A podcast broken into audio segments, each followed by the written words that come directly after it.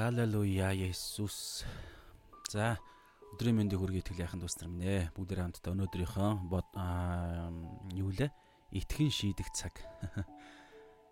За бүгдээ хамтдаа өнөөдрийнхөө итгэн шийдэх цагаараа Иохан намаа өргөжлүүлцгээе. За тэгээд хамтдаа залбираад эхлүүлье.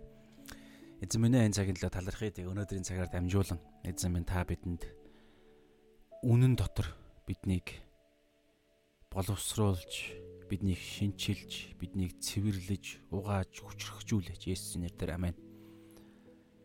За баярлалаа. Тэгээ бүгд хамтдаа энэ цаг мөчид өнөөдрийнхэн хэсгийг хамт уншицгаая. За тэгээ өнөөдрийн хэсэг бол аа юу байгаа вэ гэхлээр Йохан 8 дугаар бүлгийн 12-оос 20 гэсэн хэсэг байна. За би уншия. ертөнцийн гэрэл гэсэн аа ертөнцийн гэрэл. За эсвэл Есүс өөрийгөө Тэгээ өөрийнхөө гэрчлэлийг хамгаалав гэж бас зарим англи юм дээр бол байгаад байгаа юм. За уншия би. Тэгээд Есүс тэдэнд дахин ертөнцийн гэрэл бол би байгаа юм. Намайг дагдаг хүн харанхуй дотор явахгүй харин амийн гэрэлтэй болно гэж айлдав. Тэгтэл фарисеучуд түүнд та өөрийгөө гэрчилж байна. Таны гэрчлэл үнэн биш гэсэнд Есүс хариуд нь тэдэнд Хэдийгээр би өөрийнхөө тухай гэрчилж байгаач гэрчлэл минь үнэн байна. Учир нь би хаанаас ирснээ хаашаа явхаа мэднэ. Харин та нар миний хаанаас ирснийг мөн хаашаа явахыг мэдэхгүй. Та нар махбодийн дагуу шүүдэг бол би хэнийг ч шүүхгүй. Харин хэрв би шүүвэл шүүлт минь үнэн байна. Учир нь шүүх үед би ганцаараа биш харин намайг илгээсэн эцэг надтай хамт байдаг. Хоёр хүний гэрчлэл үнэн гэж танай хуульд бичигдсэн байдаг. Би өөрийнхөө тухай гэрчлэгч бөгөөд намайг илгээсэн эцэг миний тухай гэрчилдэг гэв. Тэгтэл тэд Таны эцэг хаан байна гэхэд Есүс та нар намайг ч эцгийг минь ч танихгүй. Хэрв та нар намайг таньсан бол эцгийг минь ч мөн таних байсан гэж хариулв. Есүс сүмд зааж байхдаа энэ үгсийг Эрдэнсийн сан хөмрөг дотор айлджээ. Хинч түүнийг барьсангүй. Учир нь түүний цаг хараахан болоогүй байлаа. Амен. За тэгээд өнөөдрийн хэсэг маань аа юугаар үргэлжилж байна те аа майхан баярын үйл явдал ерөнхийдөө яг шувтарж байгаа өдрүүд багхгүй юу. Тэгээд ерөнхийдөө хараа нэг юм мэдээлэл байгаа даа. Та Библийн доор байгаа хүлзүүлтийг ажигласан болвол Йохан 8 дугаар бүлгийн 1-ээс 11 дугаар ишлэл хаалтанд байгааз та Библийг харах юм бол тэгэнгүүтлээ А гэд доош Агаар нь тайлбар дээр нь хүлзүүлэлтэн дээр зарим зарим бичээс ба эртний орчуулгуудад хаалтдах хэсэг байхгүй гэд нэг иймэрхүү тайлбар байгаа. Тэгэхээр ерөнхийдөө бол хэдэн мянган гаруй Библийн одоо нөгөө нэг их сурвалжууд байдаг гэдэг байгаа байхгүй юу? Хэдэн мянга ч хичлээд байз. Асар олон л мянга ярьж ирсэн. Асар олон тийм төрөл одоо их сурвалжууд. Тэгээ тэр дундаас цаг хугацааны аясаар тий 2000 орчим жилийн хугацаанд асар олон нарийн тий нөгөө хилцүүлэг, нарийн залбирал, нарийн одоо тэр стандарт олон зүйлсүүдийг дамжиж өнөөдөр бидний гар дээр энэ Библи ирж байгаа. Тэгэхээр эртний бичээс их сурвалжууд дээр зарим их сурвалжууд дээр эртний их сурвалжууд дээр ерөнхийдөө энэ өнөөдрийн өнөөдрийн биш бидний өмнө үтс нөгөө завхарж байгаад баригдсан эмхтэй түүх байхгүй байдаг гинэ. Яг энд ороогүй байдаг. Тэгэхээр хэрвээ энд ороогүй гэж үзэх юм бол а тэгвэл одоогийн яг бидний гар дээр байгаа энэ Библи бол яг эрх мэдэлтэй яг нөгөө канон гэж байгаа нөгөө нэг энэ 66 ном дотор байгаа энэ бүх бичээс бүх зүйл яг эрх мэдэлтэй бурхны одоо ариун сүнсний амьсгалаар батлагдсан олон нарийн зүйлсүүдийг шалгууруудыг давж орж ирсэн бичээс байгаа шүү. Тэр утгаараа бол та энэ дөрөөс ямар ч эргэлзэж болохгүй. Гэхдээ эртний бичээсүүд дээр одоо энэ давхарч ягаад баригдсан эмхтэй түүх байдаггүй гинэ. Яагаад би энийг ярьж байгаа вэ гэхээр хэрвээ энийг одоо юу гэдэг яг энд оруулаагүй зарим одоо юу гэдэг одоо энэ доор нь хүртэл байгаа үстэй а 8-ийн 1-ээс 11 хэсгийг заримд нь Йохан 21-24 үеийн ард, заримд нь Лук 21-ийн 38-ийн ард оруулсан байдаг гэж байгаа байхгүй. Тэгэхээр ерөнхийдөө бол эртний бичээсүүд дээр энэ завхарж байгаа баригдсан эмхтэй түүх байхгүй байгаа нь ийм зүйл болоогүй гэсэн юм юусоо биш шүү. Зүгээр нэг бол нөгөө нэг одоо тэр бичээсээс алдагдсан алдагдсан ч байх уу те алга болсон гээгдсэн байх магадaltaй янз бүрийн магадлал байгаа. Ямар ч үсэн гэсэн аман байдлаар Есүс ингээд сүмд номлож зааж явах үед нь гаднаас фарисеучуд завхарж байгаа эмэгтэйг бариад тэгээ ярилцсан ярилцлага марилцлага нь ингээд эртний итгэгч нарын дунд ингээд явдаг явж исэн байгаад байгаа байхгүй. Тэгээд ямар ч үсэн гэсэн ингээд нарийн ширийг нь мэдэхгүй байна ямар ч байсан тогтсон цагтаа энэ тогтсон энэ газраа орсон гэсэн үг. Энд нь санаа зовх эргэлзэх шалтгаан байхгүй. Гэхдээ яагаад би энэ ярьж байгаа вэ гэхээр хэрвээ энэ хэсгийг түр хойш нь тавиад үзэх юм бол одоо жишээ нь ингэсэн штэ. Нөгөө нэг Есүс өөрийгөө а майхан баярын сүүлийн өдөр гэж байгаа те Йохан 7-гийн 37 дээр баярын их өдөр болох сүүлчийн өдөр Есүс зогсоод хашгиран цангасан хүн байвал над руу ирж уугтун бичвэр хэлсэнчлэн надад итгэгчийн дотроос амийн усны гол урсах болно гэд иймэрхүү зүйл хэлсэн дараагаар нь ард иргэд хэдэн хэсэг болж хоорондоо хуваагдж хагаралцсан фарисеучуд бас хоорондоо никодем ч гэсэн хоорондоо бас те бидний хууль ингэж хүнийг лавлаж асуухгүйгээр шүүдэг үлээ мөлөө гэл тэгсэн чинь те Галилея сайн юм гарах уу чи нэгтлээд үз мүзгээл бас нөгөө нэг хуулийн багш нарын фарисеучуудын дагалдагч харуулууд нь Есүсийг барьж ирэх тушаал авсан мөртлөө барайгүй ирдэг. Яагаад вэ гэхээр ямар ч хүн энэ хүн шиг ярьж байгаагүйгээд иймэрхүү юм болж ирсний дараа нь шууд үргэлжиж байгаа хэсэг гэж харагдаж болохоор байгаа байхгүй юу? Цөмөрөө тэгээд нэг уншаа үзье юу ч гэсэн. Тэгэнгүүтлээ тэгээд Есүс саяны энэ ярьсан зүйлс зүйлсийн араас аа ерөнхийдөө явж гинэ гэсэн үг. Тэгээд дараа өдөр нөө эсвэл шууд үргэлжлэж байгаа ёо би бас тэрийг нь судалж амжсангүй. За ямар ч үсэн гэсэн энийг би холбож үзэх гээд байгаа байхгүй юу? Одоо тэр эхний бичээс эхний эртний бичээсүүд дээр байхгүй байсан байдаггүй гэдэг хэсгийг нь бас жоохон алгасаад шууд холбох гээд байгаа. А тэгсэн тэгээгүй ч ялгаа байхгүй. Ерөнхийдөө шууд холбогдож байгаа. Өнөөдрийн хэсгийг би юутай холбох гээд байгаа гэхээр энэ яг холбогдож байгаа байхгүй юу гэхээр 38 37 38 дээр Йохан 7-гийн ингэж байгаа шүү дээ. Есүс олонний өмнө босон зогсоод хашгираад цангасан хүн байвал над руу ирж уугтун бичвэр хэлсэнчлэн надад итгэгчийн дотроос амийн усны гол урсах болно. Нэгдүгээрт амийн усны гол. Өнөөдрийн хэсэг дээр хоёр дахь илэрхийлэл хэлж байгаа байхгүй.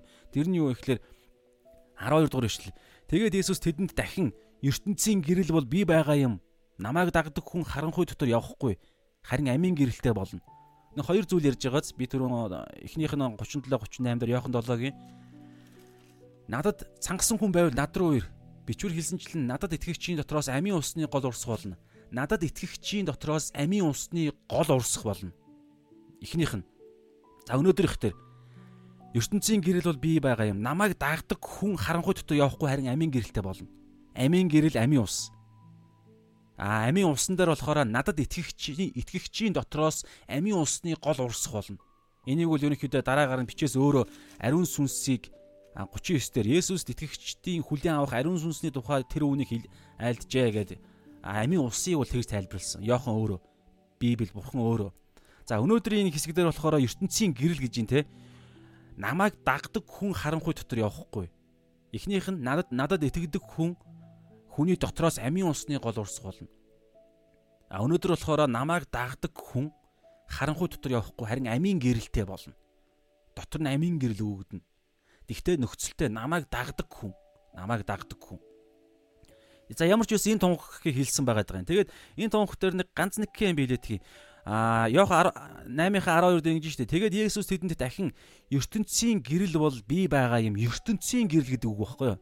А тухайн үед бол ойлгомжтой ойлгомжтой тэд нар бол өөрс зөвхөн Израиль үндэстний л Месиа хаан аврагч одоо энэ гэрэл гэж илэрхийлвэл гэрэл зөвхөн Израилийн. Гэтэл Есүс бол бүх ертөнцийн гэрэл гэдгээ энд илэрхийлж байгааз. Тэгээд а одоо энэ би байгаа юм би байгаа гэдэг энэ монгол орчуулгын үг бол I am буюу Яохан номон дээр 3 ширхэг 7 7-гийн 7 7 давтагдаж хэлсэн 21 бүлгийн 21 бүлэг бүхээр Яохан номон дээр 3 удаагийн 7 давтамжтай үйл зүйл байгаа байхгүй юу. Нэгдүгээрт а Есүс өөрийгөө 7 зүйлээр илэрхийлж би байдаг, би байгаа. Одоо энэ монгол орчуулгаар бол би байгаа гэж хэлсэн. Би бол амийн далах байгаа юм. Одоо өнөөдөр хоёр дахь нь би бол ертөнцийн гэрэл байгаа юм, байгаа юм. Аа яам гэдэг хэллэг багхгүй юу? Мэдээж яг орчуулгын асуудал дээр байгаа юм, би байдаг, би мөн гэж янз янзаар тий. Гэтэ би байгаа гэдэг бол их гоё байгаа. За тэгээд энэ нэгтгэх нь 7 удаа өөрийгөө би би бол гэж ярьсан. За дараа нь болохоор бас тэр энэ 7 би болтой адилхан бас нэг би байгаа юм гэдэг илэрхийл явсан байгаа даа. Тэрнээс гадна бас гурав дахь нь долоон тэмдэг гайхамшиг үзүүлсэн. Яохан номон дээр долоог л тэмдэглэсэн байгаа даа юу? Тэгээ 3 7 21 21 бүлэгч гэдэг юм уу те. Долоогийн тоо бол Израиль Израильчуудын хувьд бол төгс тоо гэж ярьдаг штеп. Тэгээ бас 3 гурвлаар оршигч бурхан гэдэг ч юм уу те хүн гурван хэсгээс бүрддэг гэл янз янз ер нь библ бол гайхалтай ном л доо. За тэгээ ямар ч үсэн гэсэн энэ та бүгдээр хамтдаа өнөөдрийн хэсгийн хамгийн гол зүйл бол ямар ч энэ байна шүү дээ тий. А Есүс өөрийгөө ертөнцийн гэрэл гэсэн. ертөнцид Монгол үндэстэн байгаа, та байгаа, би байгаа. Тэгээд бид энэ гэрэлтэй байхын тулд наана нэг зүйлийг ойлгох хэрэгтэй. Бид харанхуй дэлхий дээр байгаа гэдгийг ойлгох хэрэгтэй байгаа байхгүй юу? Яг одоо бидний дэлхий одоо энэ бодиттой өглөө нар манддаг энийг яриаггүй. Цаад сүнслэг, цаад мөн чанар нь цаад тэр одоо юу гэдэг тэр мөн чанар нь харанхуй байхгүй юу сүрж яваа дэлхий бузар муугаар дүүрэн үхлэх хагцлаар дүүрэн алга хүчирхийлэл те хуваа хичээх байдлаар дүүрэн худал хуурмгаар дүүрэн энэ дэлхий байхгүй хүн төрлөختний гим нүглээс болоод ийм болсон бид нар мэдж байгаа те. Тэгэхээр энэ харанхуй дэлхий дээр бид амьдарж байгаа гэдгээ ямар ч үсэн хамгийн эхлээд ойлгох хэрэгтэй байгаа байхгүй хэрвээ энэ дэлхий харанхуй биш энэ дэлхий сайн сайхан гэж хэлвэл Есүс хэрэггүй шүү дээ. Хэрэггүй байхгүй юу? Хэрвээ тийм учраас Есүс баян цатгалан энэ дэлхий дээр амьдрах нь сайн сайхан байдаг те өөрт нь хүч чадал баялаг нэр алдар байдаг тэр мундаг хүмүүсүүд бол Есүст итгэх нь ховор гэд Библиэлд бол тэмээ зүүнний сүхчээр орхоос илүү хэцүүгдсэн байгаа байхгүй баян хүн Тэнгэрийн анчлал орох нь. Ягаад тэгэхээр баян хүний хувьд бол энэ харанхуй дэлхий баг харанхуй биш байхгүй юу? Мөнгөтэй учраас нэр алдартай учраас энэ дэлхий харанхуй дэлхий дээр харанхуй тогтолцооных нь хүч чадал нь гарт нь байдаг учраас сатан тэр хүнд сатаны тэр үл мэдэгдэх ертөнцид одоо байр суурь олсон учраас тэр хүний хувьд Есүс хэрэггүй болчихж байгаа. Тэр утгаараа харанхуй дэлхий гэдгийг дэлхийд бид амьдарж байгаа гэдгээ үнэхээр мэддэггүй үгүй юу гэдгээс шалтгаалж Есүс хэрэгтэй юу үгүй юу гэдэг дараагийн асуулт орж ирээд байгаа байхгүй юу. Гэхдээ угаасаа харанхуй дэлхий. Гэхдээ харж чадж гин үгүй юу гэдэг харанхуйг харанхуй унж яваа аимшигтай зовлонгоор дүүрэн аа дэлхий гэдгийг бид харж чадсан уугүй юу гэдэг асуудал. За тэгээд нэг чухал зүйл би нэг хэлээд цаашаа яв. Юу гэхээр түрүүн биелсэн шүү дээ. Ус Йохан 7-гийн 37 38 дээр Есүс өөрийгөө би бол надад цангасан хүн байвал над руу ир бичвэрт хэлсэнчлэн надад итгэгчийн дотроос амийн усны гол урс суулна гэдэг энэ үг өнөөдрийн энэ би бол ертөнцийн гэрэл намайг дагдаг хүн харангуй дотор явахгүй гэдэг энэ хоёр үг маань хизээ хэлэгдсэн байхаар майхан баярын одоо энэ их баяр буюу энэ хамгийн одоо оргил хамгийн хаалтын үе, төгсгөлийн үе, дүгнэлтийн үе ч гэдэг юм уу хамгийн онцгой их их баярын баяр гэж байгаа шүү дээ. Энэ Яохан 7-гийнхаа 37 дээр те баярын их өдөр болох сүүлчийн өдөр. Тэгэхээр энэ өдрүүдэд хэлэгдсэн үг байгаа даа байхгүй. Энийг яагаад хэлж байгаа вэ гэхээр майхан баярыг би урд нь бас те та хамт идэг бол таагаас өөрөө мэдчихэж байгаа бах те хэлсэн шүү дээ. Майхан баяр бол Израиль ард түмэн Египтийн боолчлоос гараад цүлд 40 жилийн турш бурхнаар өдөрдүүлэгдэн амьдэрсэн тэр эхний тэр бурхныг сорьсон 10 удаа сорьсон дуулуургүй итгэлгүй ард түмний тэр өмнөх үеийг нь жам ёсороо өхөж дуустал нь Есүс Есүсгийн бурхан аав цөл 40 жилийн хэрэн хинүүч хэсүүчлээд дараагийн үеийг нь амлагдсан газар оруулна гэж нэг талаараа шийтгэл нөгөө талаараа амлалт өгсөн шүү дээ тий. Тэгэхээр энэ 40 жилийн үед юу болдог вэ гэхээр энэ 40 жилийн хугацаанд болсон зүйлсүүдийг Майхан баярын 7 за 8 өдрийн үеэр Израильчууд үе уламжлан Иерусалим тэмдэглэдэг байгаа байхгүй юу? Асар олон зүйлсүүд байгаа. Нөгөө Майхан бариад тэгээд дээд дээд дээвэр нонгорхоо майхан байна. Тэгээд тэр үеэр те а нөгөө эргээд юугаа дурсан санаанд гэр бүлэрээ майханд байна мэн. Тэр дунд нь болохоор хоёр зүйл байгаа байхгүй юу? Хоёр зүйлч биш олон юм байгаа. Тэг ямар ч байсан гэсэн 40 жилийн аяллаа үеэр чинь Израильчууд цүлд аялж байгаа шүү дээ. Тэр үеэрээ бүгд ангаж сангана. Цүлд ус байхгүй. Тэр үед бурхан усаар хангаж исэн. Усаар хангаж исэн.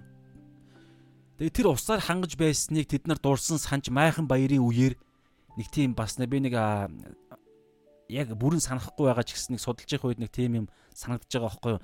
А майхан баярын өдрүүдээр яадаг вэ гэхээр дахилч нар ч юм уу эсвэл тэр нөө тэр хариуцсан хүмүүсүүд нэг газараас очиод ус аваад тэгээд сүмд очиод нэг хаана гэлээдээ үз. Тэрийг санахгүй ямар ч үсэн сүмийн нэг тийм а гэрэний авдар руу юу эсвэл тэр ариун асрын ямар ч байсан аль нэг хэсэг рүү тэр ус цацдаг гэж байгаа байхгүй юу? Ус цац ус асгадаг. Энэ нь болохоор нэг хаднаас 40 өдрийн 40 жилийн аяллаа үеэр бурхан тэднийг өөрөө ард түмнээ усаар хангаж исэн гэдгийг нь дурсан сануулахын тулд тийм зан үйлийг тэд нар хийдэг. Тийм заавартай. Энэ нэгдүгээрт. Есүс яг энэ зан үйлийн үеэр өөрийгөө хэлсэн байхгүй юу? Цангасан хүн байвал над руу ир. Надад итгэгчийн дотроос амийн амийн усны булаг урс болно гэж хэлсэн. Яг тийм майхан баярын саяны ийм зан үйл болдог үеэр. Хоёр дахь нь а 40 40 жилийн тэр аяллаа үеэр чинь өдөр нь үүлэн багнаар нарнаас галхлаа тэгээд үүл үүлийг дагаж явсан гэсэн үг. Тэгээд хаашаа хисгүү маргааш бурхан үүлээрээ дамжуулж өдөржингөө хаашаа үйл зогсох үед тэд нар зогсдог байсан. Үйл яа хөдлөх үед хөдөлдөг байсан. Тэгээд үүлийг дагаад хаашаа явах уу гэдэг шийдэгддэг. Шүн нь галан багна. Шүн галан багн дүрлзэж 40 жилийн турш тэд нарыг гэрэлтүүлж гэрэлтүүлж тэгээд хамгаалж байсан. Тийм түүх байгаа даа байхгүй. Тэгэхээр яг энийг бас Израильчууд майхан баяр үеэр яадаг вэ гэхээр тэр Иерусалимийн сүм дотор Иерусалимийн сүм дотор хот дотор ингээд нэг өндөр өндөр тийм нэг тоог нь мартчих. Ямар ч байсан өндөр өндөр тийм нэг багна гэлөө нэг тийм зүйл өндөрлөг юм байд юм байна л да. Тэрэн дээр дэнлүүнүүд асаадаг. Асар олон дэнлүүнүүд. Тэгээд ерөнхийдөө бол Иерусалим хот майхан баярын үеэр шинжэнгөө байн гэрэлтэж гэрэлтдэг. Байн гэрэлтдэг. Энэ нь болохоор шүн а бурхан Израилийн ард түмний галан багнаар хөтлж, удирдах, хамгаалж, халахлж байсан гэдгийг нь а дурсан санахын тулд шүнжэнгөө тэгэж тэрийг гэр бүлдээ дараагийн үеийнхаа хүмүүс ярьдаг. Тэгэхээр яг энтэй адилхан. Есүс майхан баярын үеэр би бол ертөнцийн гэрэл гэж хэлсэн байгаа даа байхгүй юу? Тэгэхээр хуучин гэрээнд болж байгаа бүх зүйл Есүс рүү чиглүүлдэг гэж бид нар мэдэн штэ. Хуучин гэрэл гэрээ шин гэрээ рүү чиглүүлдэг. Шин гэрээний тусгал сүүдэр байдаг. Тэгэхээр тэр 40 жилийн аялал Египтийн боолчлоос чөлөөлөгдсөн байдал байдал чинь бүгд яг бодиттой сүнслэг чөлөөлөлтийг хийх Есүс болон Есүсийн амьдрал, Есүсийн тэр цаана байгаа үннийг заадаг байсан гэсэн үг. Яг энийг энэ зүйлийг Есүс майхан баярынхаа үеэр аа майхан баярын үеэр өөрийгөө тунхагласан байгаа даа байхгүй юу? Тухайн ийм энэ тунхаглалыг хэлсэн гэсэн үг. Өнөөдөр бол бид нар ойлгож байгаа. Тухайн үеийн хүмүүсүүд дамаа фарисеучуд юу ямар хариу үйлдэл хийж байгааг бүгдээ одоо харъя. Бүгдээрээ харъя.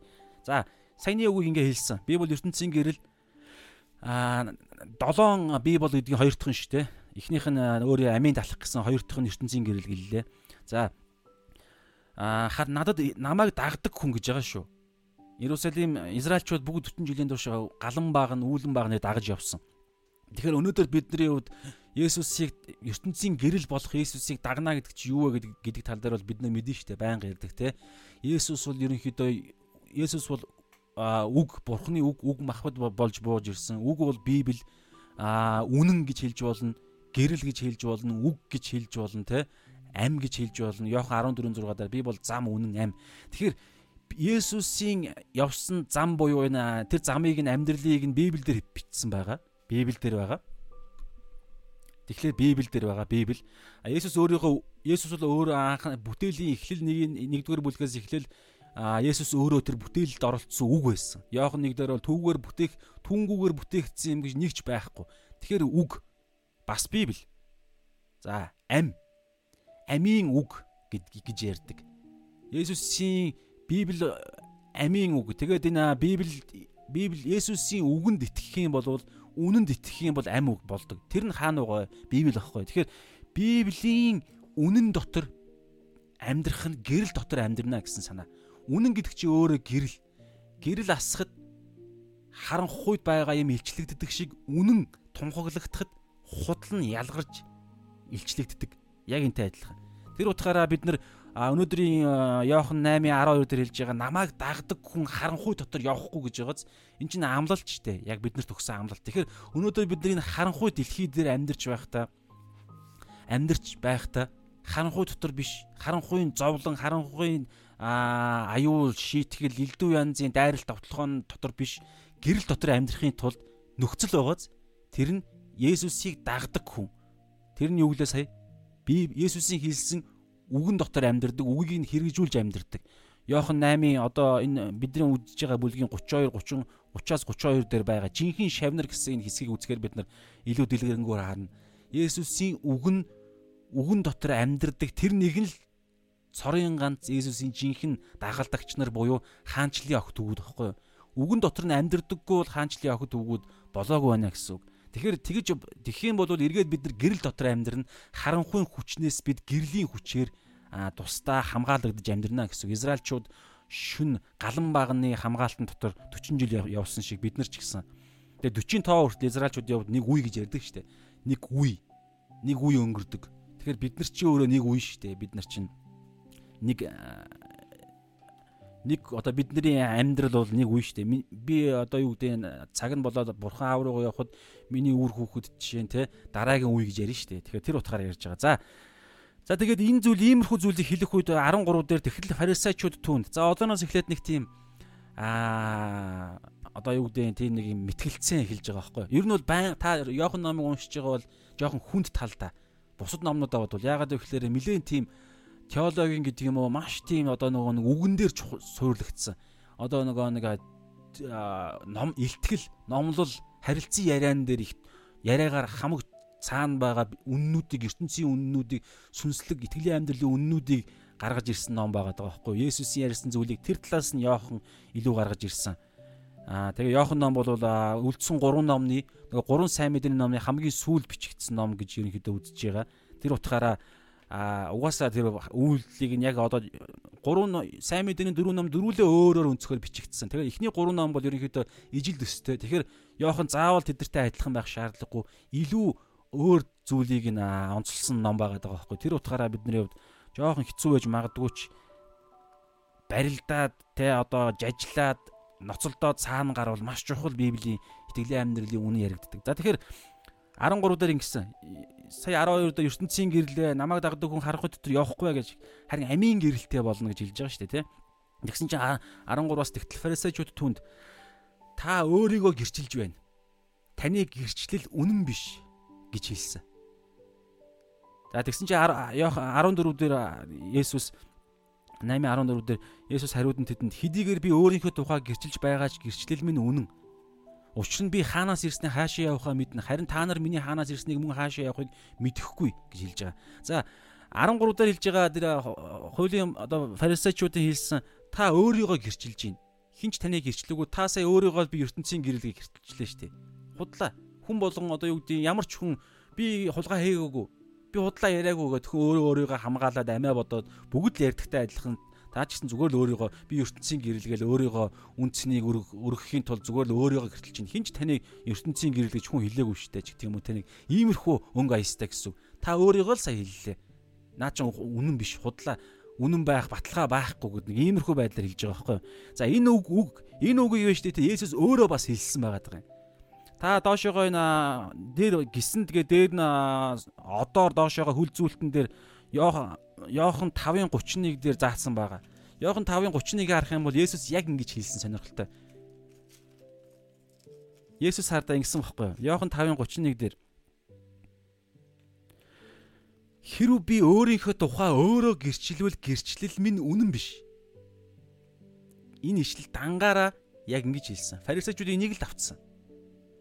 За би дахиад уншия. Йохан 5:31 дээр хэрв би өөрийнхөө тухай Есүс хэлж байгаа шүү дээ. Хэрв би өөрийнхөө тухай өөрөө гэрчилвэл гэрчлэл минь үнэн биш.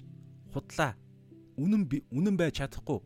Үнэн гэсэн тэр төлөв байдалд орохгүй гэж байгаа зү. Есүс ингэж хэлсэн өөрөө. Сефарисчуд бас адилхан ингэж хэлж байгаа.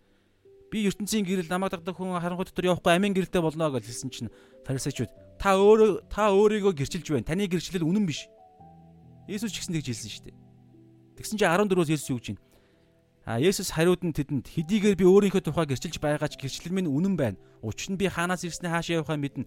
Тэгэхээр Есүс Иохан 5:31 дээр яг ингэж би хэрэг өөрийгөө гэрчилвэл миний гэрчлэл үнэн биш гэж хэлсэн мөртлөө энд яг адилхан таны та өөрийгөө гэрчилж чинь таны гэрчлэл үнэн биш гэж хэлсэн хүний хүний эсрэг яагаад хамгаалах гэдэг юм. Одоо юу гэдэг Есүс эсэргүүц өөрөө урд нь ярьсан үгүй одоо дахиад худлаа эсэргүүцэж байгаа мó хоорондоо зөрчилдөж байгаа мó гэдэг асуулт гарч ирнэ шүү дээ. Гэтэл үгүй байгаа юм. Ялгаа байгаа. За яагаад вэ гэхээр бид нар Библи судлахдаа нэг чухал зарчмыг мэднэ шүү дээ. Хам сэдв хаан гэдэг одоо алдартай үг байдаг үг байдаг шүү дээ. Хам сэдв хаан. Хам сэдв хамгийн гол юу. Тэгэхээр Йохан 5 дугаар бүлгийг та санаж байгаа бол Йохан 5-ыг үзэхэд Есүс одоо энэ нэр нарда Иохан 5-ын 30-аас Иохан 5-ын 30-аас ерөнхийдөө дуустал тэгтээ 37 мулаа хавцаа ерөнхийдөө бол яг гол санаа нь хийлэгдээ дуусж байгаа санагдаж байна. Аа 37 биш 39 39. Тэгэхээр Иохан 30 Иохан 5-ын 30-аас 39-ийн хооронд гарчин юу гэж юм? Та Библийг харж байгаа бол Есүсийн гэрчлэл гэдэг утгатай. Есүсийг амьд бурхан та бол Христ амьд бурханы хүү гэдэг энэ хүний хүү бурханы хүү гэдэг энэ үнэн энэ итгэлийн суур бүх итгэлийн суур болсон энэ үннийг гэрчилдэг гэрчлэлийн талаар Есүс одоо энэ Иохан 5 дээрээ хэлж байгаа. Энд дээр хэлэхдээ Есүс 30-аас эхлэхдээ та анзаа ингэж ин хардаа би юу ч өөрөөсөө үйлдэж чадахгүй. Би сонсноороо шүүх бөгөөд шүүлт минь шудраг. Учир нь би өөрийнхөө хүслийг бус харин намайг илгээгчийн хүслийг хайдаг. 31 хэрэг би өөрийнхөө тухай өөрөө гэрчлэлбэл гэрчлэл минь үнэн биш за 32-өөс сороо. Намайг гэрчлэгч өөр нэгэн би нэгэн гэдэг нь томоор. Намайг гэрчилж байгаа түүний тэ өсгөн томоор. Түүний гэрчлэл нь үнэн гэдгийг би мэднэ ингээ 32-оос эхлээд дөрвөн гэрчийг ярьж байгаа Есүс. Өөрийгөө оролцуулахгүйгээр. Энэ болохоор Иохан 5-ын хам сэдв багхгүй түрүүний хэлсэн. Юу юу хэлэх гээд байна вэ гэхээр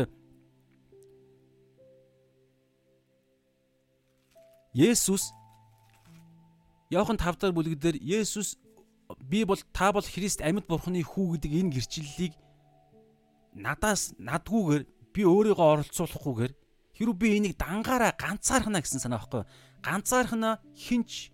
Одоо тэр тусмаа одоо энд хэлж байгаа Иохан 5 дээр хэлж байгаа дөрвөн гэрч байгаа. Дөрвөн талт гэрч гэдэг э, англи үг байгаа даа байхгүй юу? Fourfolded witness гэдэг аа заримдаа энийг сайн мэдээний дөрвөн номоор илэрхийлдэг. А заримдаа одоо яг энэ дээр хэлэгдэж байгаа дөрвөн гэрч ярьж байгаа. Тэгээ энэ дөрвөн гэрч байхгүйгээр Есүс зөвхөн өөрийгөө би бол Христ амьд бурхны хүү гэж хэлэх юм бол энэ үнэн байх боломжгүй гэж гэдэг юм гэдэг юмыг энэ тав дээр ярьж байгаа байхгүй юу? Йохан тав дээр. Өнөөдөр чинь бид нар 8-ыг үзэж байгаа шүү дээ. Гэхдээ тав дээр ийм ярьж байгаа гэсэн. Тэгээд би өөрийгөө оролцуулахгүй. Би өөрийгөө зөв хоошин тавьчих. Тэгээд надаас гадна гэсэн үг. Дөрвөн гэрч намайг гэрчилдэг. Бурхны хүү хүний хүү гэдгийг. Нэгдүгээрт би урд нь хэлсэнтэй нэгдүгээрт бүх эмэгтэйчүүдийн төрөхсдийн төрөхсдийн дундаас хамгийн агуу нь болох Йохан Баптист хүн төрлөختнийг төлөөлж ертөнцийн нүглийг үүрч Бурхны хургийг харах тун гэж хэлсэн. Есүсийг гэрчилсэн. Дараагаар нь Есүс Есүсийн хийсэн ажил гайхамшиг тэмдгүүд үйлсүүд нь Есүсийг гэрчилж байгаа. Тэр нь ариун сүнс Бурхан цаана байдаг гэж байгаа те. Аа 3 дугаарт нь эцэг Бурхан өөрөө Тэгээ одоо энэ Иохан 5-ын 32 дээр хэлж байгаас те намаа гэрчлэгч өөр нэгэн би гэдэг чи эцгийгээ эцгийгээ хэлж байгаа байхгүй юу? Намаа гэрчилж байгаа түүний гэрчлэл үнэн гэдгийг би мэднэ. Тэгэхээр хамгийн гол зүйл тэгээд 3 дугаарт эцэг бурхан 4 дугаарт нь бичээсүүд гэж ярьж байгаа те бичвэр 330 орчим 30 гаруй иш үзүүлэлгүүд Есүсийг гэрчилдэг. Есүс тэрийг биелүүлснээрээ тэр гэрчлэлийн эзэн болсон гэсэн санаа шүү дээ. Тэгэхээр энийг ярьж байгаа гэсэн. Тэгэхээр одоо өнөөдрийн 8 Йохан 8-ын 30 авшаа Йохан 8-ын 13 дээр хэлэгдэж байгаа энэ фарисеучуудын хэлсэн санаа тэгвэл юу гэж ойлгох юм гэдэг асуулт. Тэрэн дээр ингэж байгаа шүү дээ. Тэгтэл фарисеучуд та өөрийгөө гэрчилж байна. Таны гэрчлэл үнэн биш гэж хэлж байгаа. Гэхдээ энээс өмнө Есүс өөрийгөө гэрчилсэн шүү дээ. Өөрийгөө гэрчлээгүйгээр өөрөөс нь гадна дөрвөн гэрч өөрийг нь гэрчилсэн. Йохан Баптист эцэг бурхан ариун сүнс бурхан эцэг бурхан за хүү бурхан гэж илэрхийлж болохоор бичээсүүд энэ дөрвөн гэрч байхад гэрч намаа гэрчилдэг гэж урд нь ярьсан шүү дээ. Бид нар энийг мэдчих хэвээр. Тэрнээс гадна өнөөдөр болохоор өөр нэг төрлийн гэрчлэлийг Есүс нэмж ярьж байгаа байхгүй юу? Тэр 5 дугаар бүлэг дээр байгаа тэр тэнд бол Есүс өөрийгөө оруулаагүй. Өнөөдөр болохоор Есүс өөрийгөө оруулж байгаа. Тэгтээ яагаад оруулж байгаа шалтгаан одоо энд гарч ирнэ. Өнөөдөр өнөөдрийн хэсэг дээр болохоор хоёр талт гэрч гэдэг юм уу нэг тийм гэрчийн асуудал ярьж байгаа байхгүй юу? Йохан 5 дээр бол дөрвөн талт гэрч ярьсан шүү дээ. Түрүүний ярьсан дөрвөн гэрч.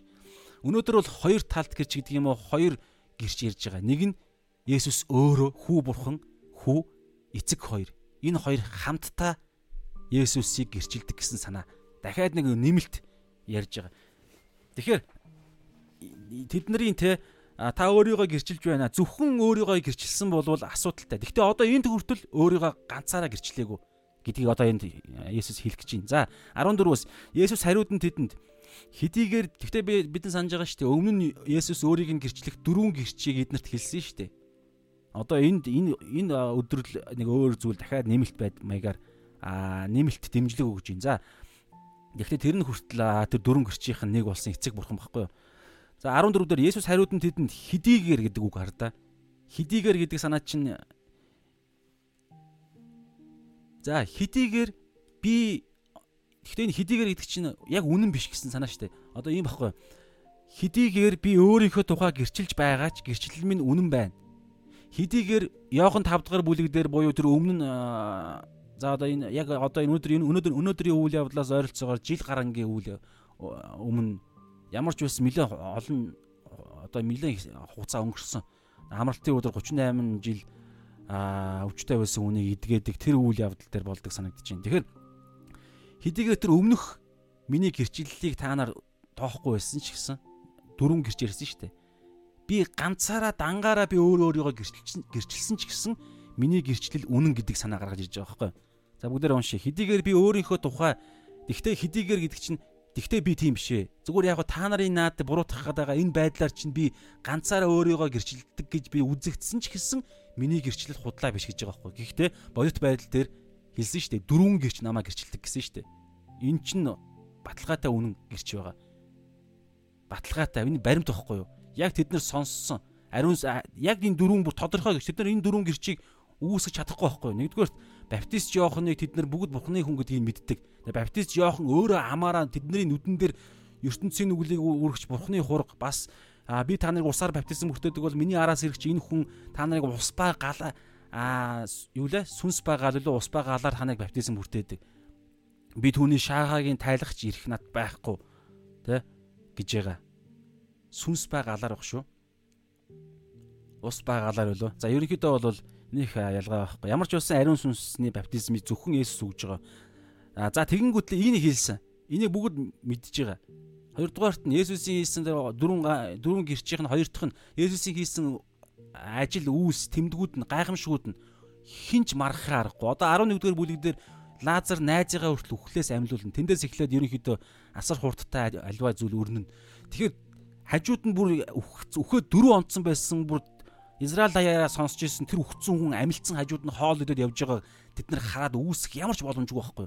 Тэр утгаараа зөвхөн Есүсийг алыг биш Лазарыг хүртэл хамт хамтд нь алыг гэсэн хуйлдаан хүртэл гар нь удахгүй. Ийм ярьж байгаа байхгүй. Гэтэ Йохан дээр гарах нь үгүй хаана гарах нь. Аа тэгэхээр ардаа энийг ч гэсэн үгүйсэх чадахгүй. За гурав дахь нь эцэг бурхан яг баптизм хүртэх үед нь тэнгэр нээгдээд ариун сүнс тактамит бууж ирээд тэнгэр нэгдээ тэнгэрээс энэ бол миний хайртай хүү түүнд миний таалал оршдог гэдэг дуу гарсан. Тэднийг эдгээр өөртөө сонссон уу? Сонсоогүй тэр Библиэлд байхгүй. Ямар ч байсан баптист жоохон сонссон. Тэр баптист жоохон өөрөө сонссон гэдгээ гэрчилсэн. Аа тэр Библиэлд бичигдсэн байна те. Тэгээ дөрөвдүгüрт нь аа бичээс хуучин гэрээнээс хэдэн зуугаар 330 гаруй иш үзүүлэлгүүдийг Есүс биелүүлсэн. Тэрийг бас үгүйсгэж чадахгүй. За ийм дөрвөн гэрчлэл байгаа. Тэгтэл дээр нэмээд тэгтэл эднэр та өөрийгөө гэрчилж чинь гэж хэлж хэлж байгаа нь ер нь монголол байгааз. Гэхдээ хэдийгээр яах вэ? Та нар тэр мэрийг энэ дөрвөн энэ баримтыг та нар тоохгүй зөвхөн намаа гэж гүтгсэн ч гэсэн миний гэрчлэл үнэн байна гэдэг санааг санааг өнөөдөр хэлж байгаа байхгүй юу? Хэдийгээр би өөрийнхөө тухайг гэрчилж байгаа ч гэрчлэл минь үнэн байна. За яагаад? Яагаад үнэн байх юм?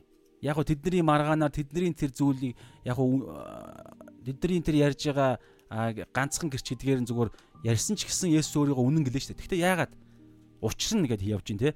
Учир нь би хаанаас ирснээ хаашаа явхаа мэднэ. Харин та нар миний хаанаас ирснийг мөн хаашаа явахыг мэдэхгүй. Та нар махбодын дагуу шүүдэг бол би хэнийг ч шүүхгүй. Тэгэхээр энэ хэсгийг бол ойлгоход аа мэдээж одоо юу гэдэг аа би бүрэн ойлгож бүрэн тайлбарлаж чадахгүй мэдээж. Гэхдээ одоогийн байдлаар боломжоор би ойлгосон юм а та бүхтэйгээ хуваалцъя. Та магадгүй надаас илүү зүйл ухаарсан байгаа байх. Тийм учраас бүгдээр хамтдаа боломжоор ямар ч ус ингээ ахалхан балхамаар итгэлээс итгэлд ингэж баг багаар урагшлаа. Миний хувьд энийг юу гэж харж байгаа вэ гэхээр ингэж штэ.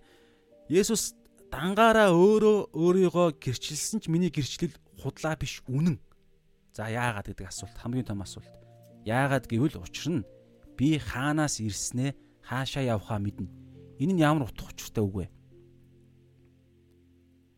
Есүс өмнө хэд хэдэн бүлэг дээр Есүс ер нь баян Иерусалимд очих болгонда баян нэг санааг баян хэлж байгаа. Тэр санааг нь сонсох болгондоо Израильчууд фарисеучуд дандаа ууралж байгаа. Үзийн ядах сэтгэл нь улам илүү бадарж байгаа. Тэр нь юу вэ гэхээр Есүс өөрийгөө бурхантай адилтгадаг. Эцэг бурханаас ааваасаа би илгээгдсэн гэдэг санаа хэлдэг. Илгээгдсэн гэдэг энэ үг. Тэгээд Йохан 5-ын 30 дээр түрүүн юу гэлээ? Би өөрөөсөө юу ч хийж чадахгүй гэж байгаа. Би юу ч өөрөөсөө үйлдэж чадахгүй. Би сонсснороо шүүх бөгөөд шүүлтмийн шудраг учир нь би өөрийнхөө хүслийг бас харин намайг илгээгчийн хүслийг хайдаг. Тэгээд Йохан энэ энэ зөвхөн энэ биш хаасайгүй байгаа. Йохан 5-ын 19 дээр тэгээ Есүс тэнд үннээр үннээр би танарт хэлье эцгээс хийж харуулсныг л хүү хийхээс хүү юу ч өөрөөсөө хийдэг. Учир нь эцэг юу хийн хүү бас эдгэрийг үйлддэг. Энэ үгс баян хэлж байгаа. Энэ юу хэлж байгаа гэхээр учир нь би хаанаас ирснээ хаашаа явахаа мэднэ гэж байгааз. Есүс хаанаас ирсэн юм? Аа яг энэ бичээсийнх нь текстээр нь тайлбарлах юм бол илгээгч тэр нэгнээс ирсэн. Илгээгчээс илгээгдсэн. Хаашаа явах юм? Илгээгч рүүгээ явна. Тэр нь хин? Бурхан. Бурхан аав. Йохан 7-гийн 28 дээр хардаа нэг юм хэсэг байгаа. Йохан 7-гийн 28.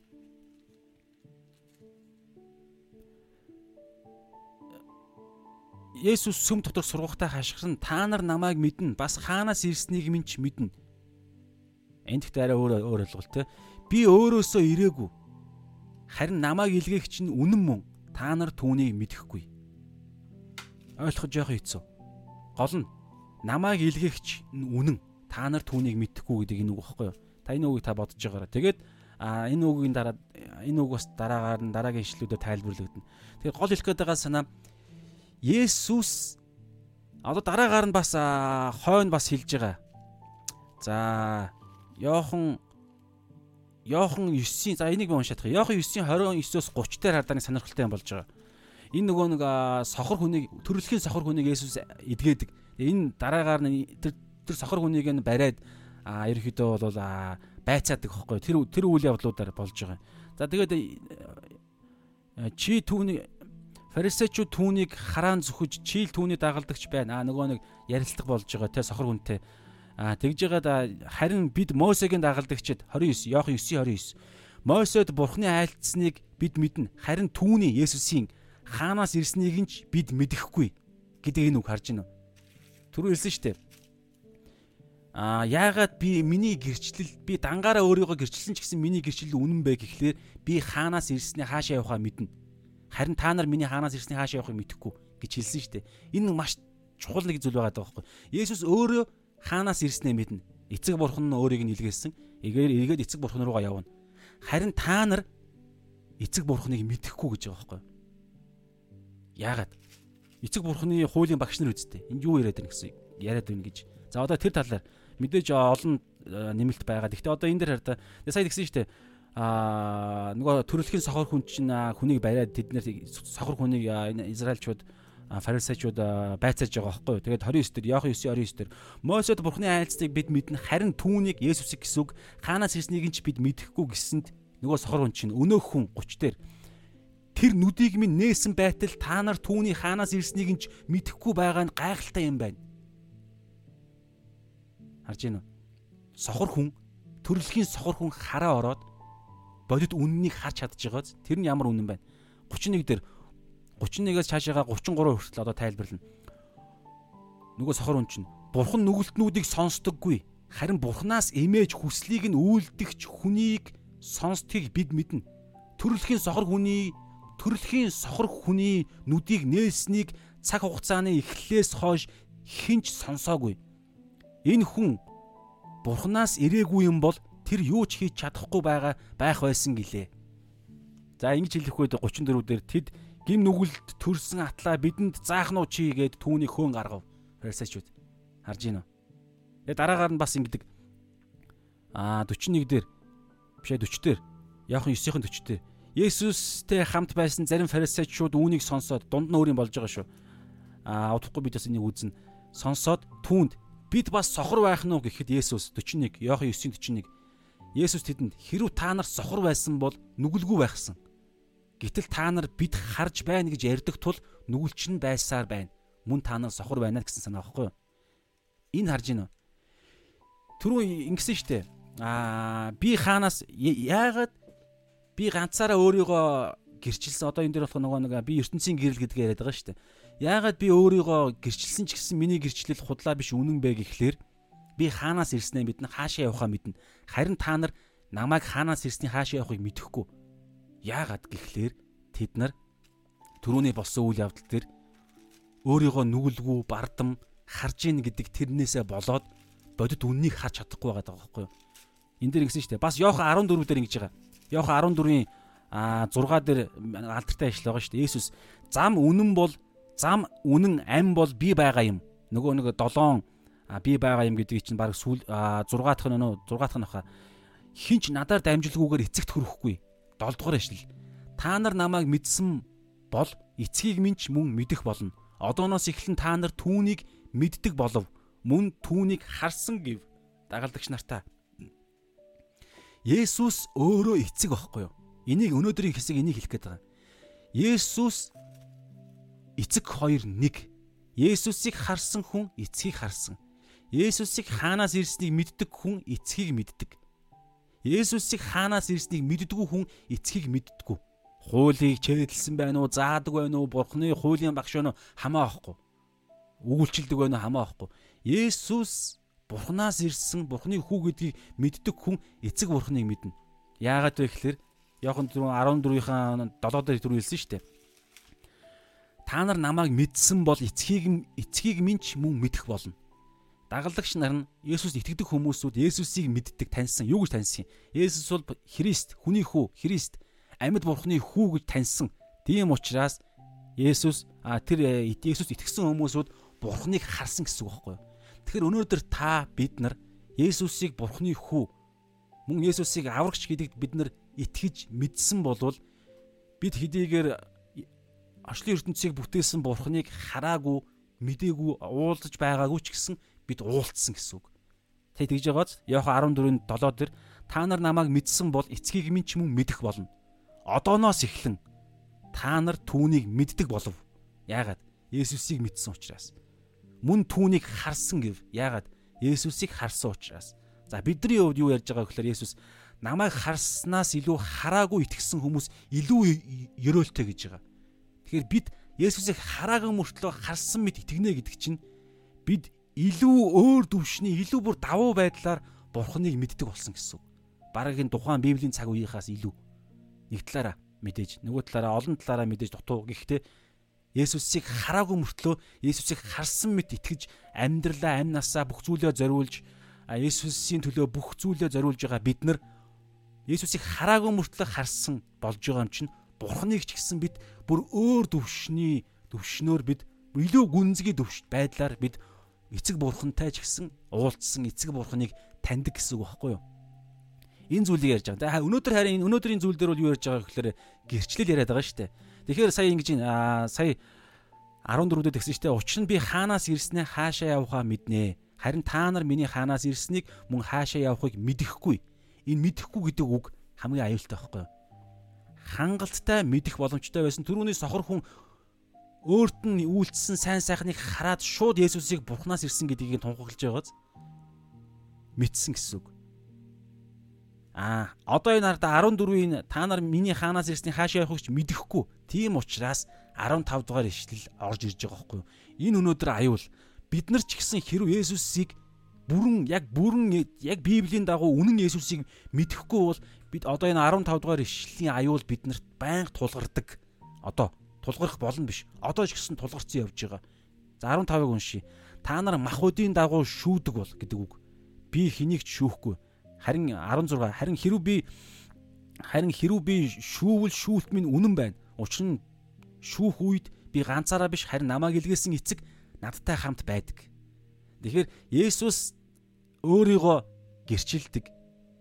Мөн Есүс Есүсийг илгээсэн илгээгч нь Есүсийг гэрчилдэг. Есүс шүүдэг. Есүсийг илгээсэн илгээгч нь Есүстэй хамт шүүдэг. Эцэг хүү хоёр нэг гэсэн санаа. Тийм учраас Есүсийг сайн мэдээний Библийн 27 номны эхний дөрвөн номноос Есүсийг их уншиж таних тусам бид Бурхныг Бурхан эцгийг Бурхан эцгийг тэр хэмжээгээр илүү сайн мэднэ гэсэн үг. Бурхан эцгийг илүү сайн мэдэх тусам бид өөрийнхөө хүч чадал, өөрийнхөө шин бүтээлийнхаа төлөв байдлыг давуу талаа өөрсдийнхөө нөөц бололцоо аа ивэл өрөөл сүнслэг байр сууриа илүү сайн мэднэ гэсэн үг. Эн чинь бид гэрэл дотор алхна гэсэн санаа. Байнга гэрэл дотор алхна. Гэрлээ улам илүү сайн таньж мэднэ гэдэг чинь яг одоо энэ дэлхий дээр харанхуй дэлхий дээр бид амьдарч байгаа нь факт баримт шүү дээ. Тэгэхээр энэ харанхуй дэлхий дээр бид амьдрах та харанхуй нөлөө, харанхугаас ай, харанхуй хор хөнөөл биднэрт ерөөсөө очихгүй гэсэн. Яагаад вэ гэхээр бид гэрэл болсон Бурхныг таньж мэдсэн. Тэр нь хин? Есүс. Яагаад тэгэхээр Есүс аав хоёр, эцэг хүү хоёр хоорондоо нэг учраас хуйлаа байн хамт явдаг. За, тэгээд ардаа 15-ын гэсэн чинь та нар махуудын дагуу шүүдэг бол би хэнийг шүүхгүй. Яагаад эдгээр 15 дахь ишлэлийн эдгээр фарисеучуд хуулийн багш нар яагаад махуудын дагуу шүүдэг гэж энэ махуудын дагуу шүүнэ гэдэг чинь аюулахгүй юу? Өнөөдөр итгэгч бид нар ч гэсэн махуудын дагуу нэгдүгээрт өөрөө өөрийгөө, хоёрдугаарт хөршөө, гуравдугаарт энэ дэлхийн ертөнцийг юу үнэн юу худлаа гэдгийг бид махуудын дагуу буюу нөгөө эдийн цэцэрлэгийн аюул яригдчихэж байгааз өөрийнхөө ойлголтоор сайн үг шүүнэ гэсэн үг. Энэ чинь амар аюул واخхой бүх зүйлийн эхлэл энд байгаа. Тэгэхээр ийм аюулд оруулж байгаа зүйл нь 14 дугаар ишлэлээр нь байгаа. Харин та нар миний Есүсийн хаанаас ирснийг хааш явахыг нь мэдэхгүй учраас та нар махуудын дагуу шүүд гэсэн. Тэгэхээр өнөөдөр итгэгч бид нар итгэгч гэдэг нэр зүүсэн мөртлөө Есүсийг хаанаас ирснийг хаашаа явахыг мэдэхгүй болвол гэхдээ эн чинь зүгээр оо мэдэн мэдэн амархан Есүс чинь Бурханаас ирсэн, Бурхан руугаа явсан. Ингээл энэ өгүүлбэрийг хэлээл болчдөг юм шиг байхгүй юу? Яг энэ хэлсэн үгнийхээ дагуу бид тийм төлөв байдалд өөрсдөө орсон юм уу гэдэг. Есүс үнэхээр бурхан муу юм уу? Бурхан. Бурханы хүү, бурхан, эцэг хүү хоёр нэг. Есүс яг одоо Тэнгэрийн улсад байгаа. Яг одоо тэгээд удахгүй хоёр дахь удаагаа ирнэ шүүн. Шүүхтэй үйлсээр шүүн. Хэрвээ Есүсийн дотор олдож чадвал үйлсээр биш нэгүслийн шүүлтээр шүүгдэнэ. Үхлээс гитэлж амруу шилжинэ. Энэ мэдчлэн асар чухал чухал ойлголтууд чинь бид мэдсэн юм уу? Есүсийг хаанаас ирсний хаашаа явсныг мэдсэн юм уу буюу Есүсийн тэр аа бурханж бурхны хүү чанар, хүний хүү чанар аль аль нэрэгддэг. Энэ маш чухал Есүсийн талаарх нь ер нь Есүсийг таньсан юм уу гэдэг асуулт байхгүй юу? Энэ асуултанд бид нар үнэхээр сайн хариулахыг хичээж хүсэж тань чадвал бид өнөөдөр үр дүн нь нөгөө ариун сүнсний үр жимс гэдэг шиг үр дүн нь маш сайн гарч ирэх болно. Энд муу үр дүнгийг хэлж байна. Махуудын дагуу шүүдэг. Хэрвээ бид Есүсийг хаанаас ирснийг нь хаашаа явсныг нь мэддэг болвол бид түрүүний ярьсан объектуудыг махуудын дагуу шүүхгүй гэсэн үг. Сүнсний дагуу шүүн нэгүслийн дагуу, хайрын дагуу шүүн, амийн дагуу, гэрлийн хуулийн дагуу шүүн гэсэн үг. Тэр нь юу юм? Үнний хуулийн дагуу шүүн гэсэн үг. Тэр нь ямар ямар зүйлсийг ярьлаа? Би өөрөө өөрийгөө махуудын дагуу шүүж гин үү? Эсвэл а үнний дагуу буюу сүнсний дагуу шүүж гин үү? Би өнөөдөр өөрийгөө гим одоо юу гэдэг ян зүрийн биеийн алдаа гарах үедээ хуулийн дагуу махуудын дагуу гэсэн үг шүү дээ. ертөнцийн дагуу шүүж гин үү? Өө арчаагүй амтан муухай царай муутай Ээ чи тийм гим нүгэл үйлдэ үсттэй. Эсвэл бол чамаа хүн болгол тэгж хэлдэг штэ гэж толон тараал өөрөө өөрийгөө цаана зүтгэр дуурж байгаа байхгүй. Эсвэл те яа би өнөөдөр те юу ч одоо юу гэдэм дэ энд дэлхийн энэ нэг тийм а стандарт амжилт дэлхийн амжилтыг тодорхойлдог дэлхийн стандарт бас юу нь хэн хүчтэй вэ гэдгийг тодорхойлдог дэлхийн буюу махуудын стандарт хэн илүү аа бусдын хүндлэлийг хүртдэг вэ? Ямар хүн илүү бусдын хайрыг хүлээдэг вэ? Ямар эмэгтэй хүн хамгийн үзэсгэлэнтэй вэ? Ямар эр хүн хамгийн хүчрхэг вэ? янз бүрийн тодорхойлт ямар гэр бүл хамгийн аз жаргалтай гэр бүл вэ? Тэ? Ямар хүн амжилтанд хүрсэн хүн баймаа гэдэг дэлхийн юм буюу энэ махуудын одоо энд 15 дээр ялж байгаа махуудын энэ дагуухын шүүлт чинь аюул واخхгүй юу? Энэ маш аюул. Энэ энэ зүйлээр бид энэ урсгал руу орох ганц нөхцөл нь юу гэхээр Есүсийг бүрэн таньж мдээгүй тохиолдолд Есүсийг хаанаас ирсний хааш явааг нь мдээгүй буюу Есүсийг бүрэн таньж мдээгүй тохиолдолд бид автоматар энэ дэлхийн махбодийн дагуу бид амьдрнаа гэсэн үг байхгүй юу? Хоёр эзэн дахиад ирэгдэнэ гэсэн үг. Есүсийг амьдралынхаа эзнээ болгоогүй болвол бүрэн хаанаас ирснийг нь хааш явсныг нь буюу Есүсийг бүрэн таньж мдээгүй болвол эцгийг нь ч гэсэн таньж мдээгүй гэсэн үг байхгүй юу? Бурхан аавыг. Тэгэхээр аврал байхгүй. Бурханы хүү болоогүй, охин болоогүй гэсэн үг байхгүй юу? Тэр утгаараа аа мэдээж бид цаад нөгөө нэг юм тэмүүллийг яриад байгаа шүү. Гэхдээ мэдээж балчир ойлголт яригдана. Гэхдээ жинхэнэ сүнсээр ус ба сүнсээр дээрээс дахин төрсэн хүн итгэлээс итгэлд өдөр болгон алхам алхамаар өсдөг тийм мөн чанартай. Тэгээд тэр өсөхгүй байвал улам уруудаад байвал тэгэхээр тэр уруудахыг хүртэл янз бүрийн стандартаар хэмжинэ л дээ. Гэхдээ ерөнхийдөө бол та бол хэлэх гээд байгаа санаа ойлгож байгаа шүү дээ.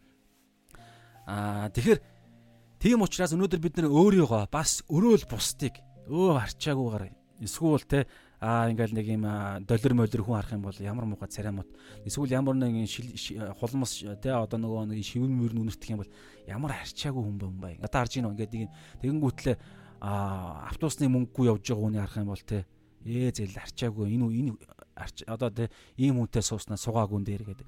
Эсвэл өөрийг нэг эмхтэн хүн байлаа би зүгээр байж болох янз бүрийн жишээ ярьж байгаа шүү. Нэг хүн ингээд те өөрийг нь надтай үерхээч гэл гуйлаа гэж бодоход те шууд мах өдийн дагуу бид шүүж эхэлвэл гэсэн санаа байхгүй энэ чинь бүх зүуд бүх талбар дээр илэрнэ ээ царай муутан байна энэ залуу оо машингүй мó машингүй маань ихтэй сургууль төгссөн юм уу төгсөөгүй юм байна За төгсөөгүй ч гэсэн ядаж тэгвэл одоо юу гэдэг бизнес мисигээд амьдрал аваад ив чадах юм уу гэсэн чинь чадахгүй. Өө харж байгаа. Тэгвэл болио болио гэдэг. Харж байна ийм яриад байгаа байхгүй. Яагаад энийг ярьж байгаа юм? Би одоогийн саяны тохиолдол би итгэгч нарын төвшөнд ярьж байгаа шүү. Итгэгч нар Есүсийг таньж мэдсэн, Есүсийг таньж мэд түрүүн Иохан 14-ийн 7-доор хэлснээр Есүсийг таньж мэдсэн бол эцгийг таньж мэдсэн, эцгийг бүр харсан мэдсэн гэдэг нь шүү дээ.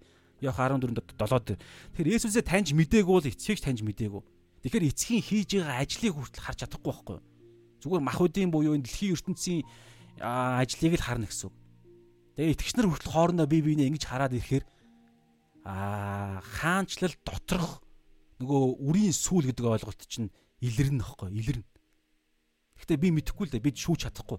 Шүүх жосхгүй гэж байгаа. Зүгээр тэр өдөр л тэр үрийн Мата 13 дээр үрийн сүүлийн сургаал зөвлөл дээр зарц нарантай одоо тэгвэл очиод бид нар үрийн сүлийг нь зулгаагаад авчихуу гэсэн чинь үгүй ээ. Та нар үрийн сүлийг зулгаах чагаад тэгээ улаан буудааг нь та нар хамттан зулгаачнаа.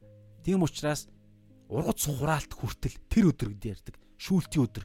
Тэр төгс өдөр хүртэл та нар орхичих гэж ярьдаг. Тийм учраас нэгдүгээрт бурхны төгс цаг ярьж байгаа. Хоёрдугаарт бид нар бас таньж чадахгүй байхгүй юу? Үрийн сүүл улаан буудаа хоёр амар адилхан. Маш адилхан. Tear wheat гэдэг хоёр ургамал хоорондоо адилхан байдаг. Тэр утгаараа бид нар бие биенээ ялгаж салгаж чадахгүй. Одоо юу гэдэг а энэ хүн ингэж шүүж байгаа юм чи энэ хүн итгэгч биш юм байна, муу юм байна. Бид нар чадахгүй байхгүй боломжгүй. Тэр утгаараа шүгөөд ч хэрэггүй. Хамгийн гол юм юу ярьдаг вэ гэхээр өөрийгөө гэж ярьдаг. Тэр утгаараа энэ бүгдээр өөрсдийгөө л харах хэрэгтэй. Би өнөөдөр Есүсийг таньж хаанаас ирснийг нь Бурхны хүү хаашаа явахыг нь юу хийчээд явж байгаа юм. Хүний хүүгээ ажиллаа хийгээ явсан шүү дээ хүний хүүгээр ирээд үхсэн. Үхсдийн оронд очисон гэдэг хиллэгч хүртэл байгаа. Тэр нь гэхдээ нарийн сайн мэдэхгүй байна. Тэгээ тэндээс ариун хүмүүсүүдийг хүртэл амьлуулсан. Тэгээ дээшээ 3 хоногийн дараа амьлаад тэгээ дээшээгээ алдаршаад Филиппо 2-ын дагуу бурхан түүнийг алдаршуулаад дээшээгээ аваа явсан. Тэр нь энэ дэлхий дээр хүний хүүгийнхээ ажлыг төгс хийсэн учраас дээшээгээ хаашаа явах энэ дээр хаашаа явахыг мэднэ гэдэг асуудал чинь хүний хүүгийн хүүгийнх нь хийсэн ажил нь юу вэ? намайг аварсан загалмай ажил. Тэгэхээр энэ чинь цаана сүнслэг амьдралын бүх зүйл энэ дотор зангилагддаг байхгүй юу? Загалмай үйл явдал дээр Бурхны хүүгээрээ ирээд хүний хүүгийн бишээ Бурхны хүү хүний хүүгээр ирээд ажиллаа хийгээд тэгээ Ром 1:1 дээр бол Ром 1-р бүлэг дээр Есүс Христ ариун сүнсний хүчээр үхэхстээс амьснараа Бурхны хүү гэж тодорхойлогдсон гэж байгаа. Тэгээд амьлах үедээ Бурхны хүү болж буцаж явсан. Хүний хүүгээр ирээд Бурхны хүү болж буцаж явсан. Хаанаас ирсэн хаашаа явсан. Тэгэхээр дандаа нөгөө хоёр ойлголт чи ярьж байгааз та бол Христ амьд бурхны хүү.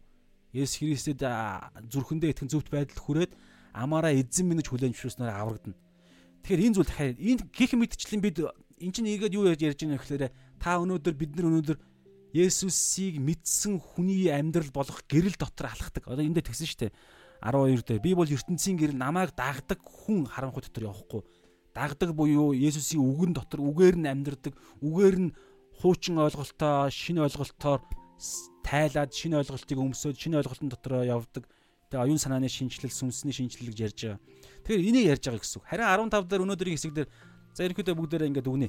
15 дээр бол та нар махуудын дагуу шүүдэг бол гэж ярьсан. Тэгэхээр эдгээр фарисеучуд бол Есүсийг мдээгүй учраас хаанаас ирснийг нь мдээгүй учраас тэд нар автоматар Есүсийг махуудын дагуу шүүрсэн гэсэн үг. Аа Есүс бол энэ хүн бол Бурхныг доромжлогч. Ямар ч хүн өөрийгөө Бурхантай адилтгах болохгүй байтал энэ хүн өөрийгөө Бурхны хүү гэж Бурхантай адилтглаа. Амралтын өдрийн хуулийг зөрчлөө. Махуудын дагуу гэхгүй юу? Гэтэл сүнсний дагуу хэрөө харж чадсан бол түрүүний Иохан 5 дээр байсан дөрвөн гэрч нарыг тэд нар харж чадах байсан шүү дээ. Өнөөдөр тэр Йохан Йохан 9-ийн 29-оос 33 дээр байгаа тэр төрөлхийн сохор хүн өөрийг нь төрөлхийн сохор байдлаас нь эдгэхэд л түрүүн тэр Йохан 5 дээр байгаа дөрвөн гэрчийнх нь хоёр дахь гэрч буюу Есүсийн хийсэн үйлс нь түүнийг гэрчилдэг гэдгийг нь энэ хүн ганцхан гэрчийг хараад шууд итгэж байгаа зү. Өөрийг нь төрөлхийн сохор байдлаас нь эдгээсэн чинь шууд сая 33 дээр юусан. Энэ хүн бурхнаас ирээгүй юм бол тэр юу ч хийж чадахгүй байх байсан гэлээ. Гэтэл Тэгээд 32 дээр те төрөлхийн сохор хүний төрөлхийн сохор хүний нүдийг нээснийг цаг хугацааны эхлээс хойш хинч сонсоогүй. 33 энэ хүн бурхнаас ирээгүй байсан бол тэр юу ч хийж чадахгүй байх байсан. Харин намайг эдгээсэн. Тэгэхээр энэ хүн гарцаагүй бурхнаас ирсэн, хаанаас ирсэн?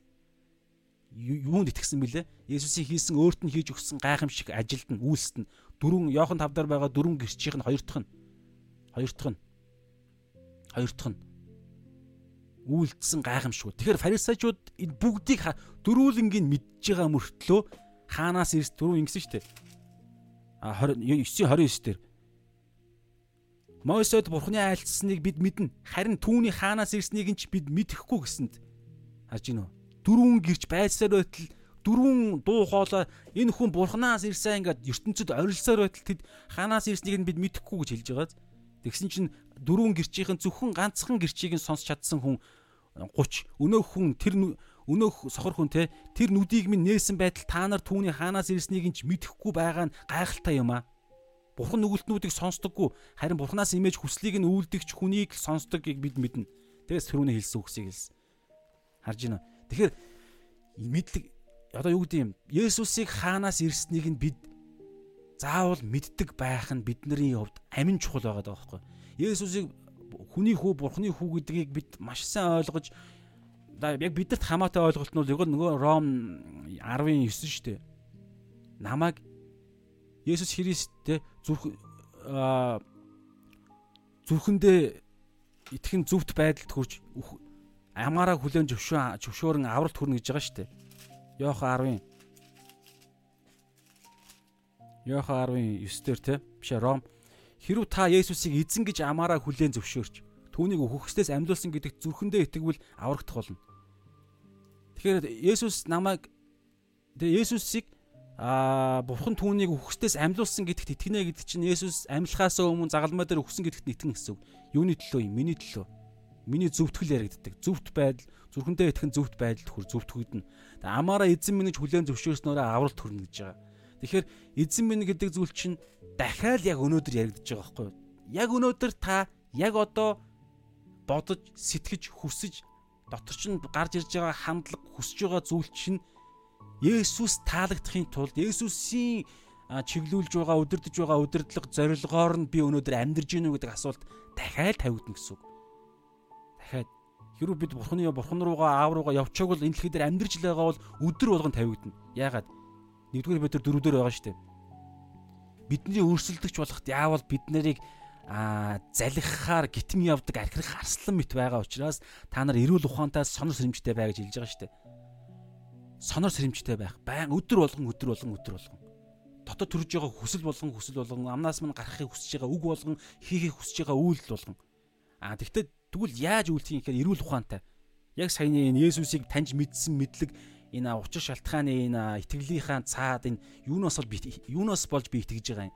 Ямар үннээс болж би Есүсийг Есүсийг бурхан гэж итгэж байгаа юм? Гэдэг энэ эрүүл ухаан. Энэ эрүүл ухаанаараа өдөр болгон сонор сэмжтэй байж яагаад сонор сэмжтэй байх ёстой юм? Яагаад тэгэхээр аюултай дэлхий дээр амьдарч байгаа. Биднийг өрсөлдөж болоход яавал бид нарыг залгихаар гитэн явдаг архих арслан мэт байгаа гэж байна шүү дээ. Тэгэхээр аюултай Тийм учраас өнөөдрийн хэсэг бол маш чухал энэ зүйлийг ярьж байна гэсэн. За тэгээ цаашаа газ уншичаад тэгээд ерөнхийдөө дүгнэе. Аа тэгээд 16 дээр хэрв би шүүгэл шүүлт минь үнэн байна. Учир нь шүүх үед би ганцаараа биш харин намайг илгээсэн эцэг надтай хамт байдгаа. Тэгэхээр эцэг хүү хоёр хамт шүүдэг, эцэг хүү хоёр хамт гэрчилдэг. Загалмаа үйл явдлыг. За 17. Хоёр хүний гэрчлэл үнэн гэж танаах үл бичигдсэн байдаг. Дидх үл 19-ийн 15 дээр байгаа та уншаарай. 18. Би өөрийнхөө тухай гэрчлэгч бөгөөд би өөрийгөө гэрчилдэг гэсэн үг. Бөгөөд намайг илгээсэн эцэг миний тухай гэрчилдэг. Би ганцаараа биш, намайг илгээсэн эцэг миний тухай гэрчилдэг.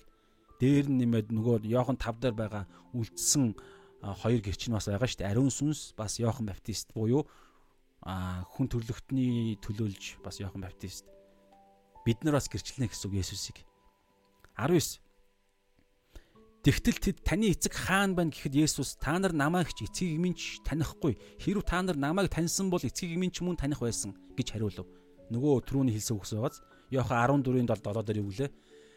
Аа 16 дээр бол нөгөө нэг цор ганц зам ярьж байгаа шүү дээ. Йохан 14-ийн 6 дээр Есүс зам зам буюу цорын ганц амьдралын явдаг зам гэсэн. Тэр бол би. Үнэн. Цорын ганц амьдралын үнэн. Би үнэн үг ам мөнх ам Есүс бол цорын ганц мөнх ам. Тэр утгаараа амийн далах гэж байгаа, амийн гэрэл гэж байгаа тэгээ янз бүрийн илэрхийллүүд байгаа Есүс өөрийгөө. Есүсийн дотор үгэн дотор амьдрна гэсэн үг. Тэгж байнгын их төлөв ярьдаг шүү.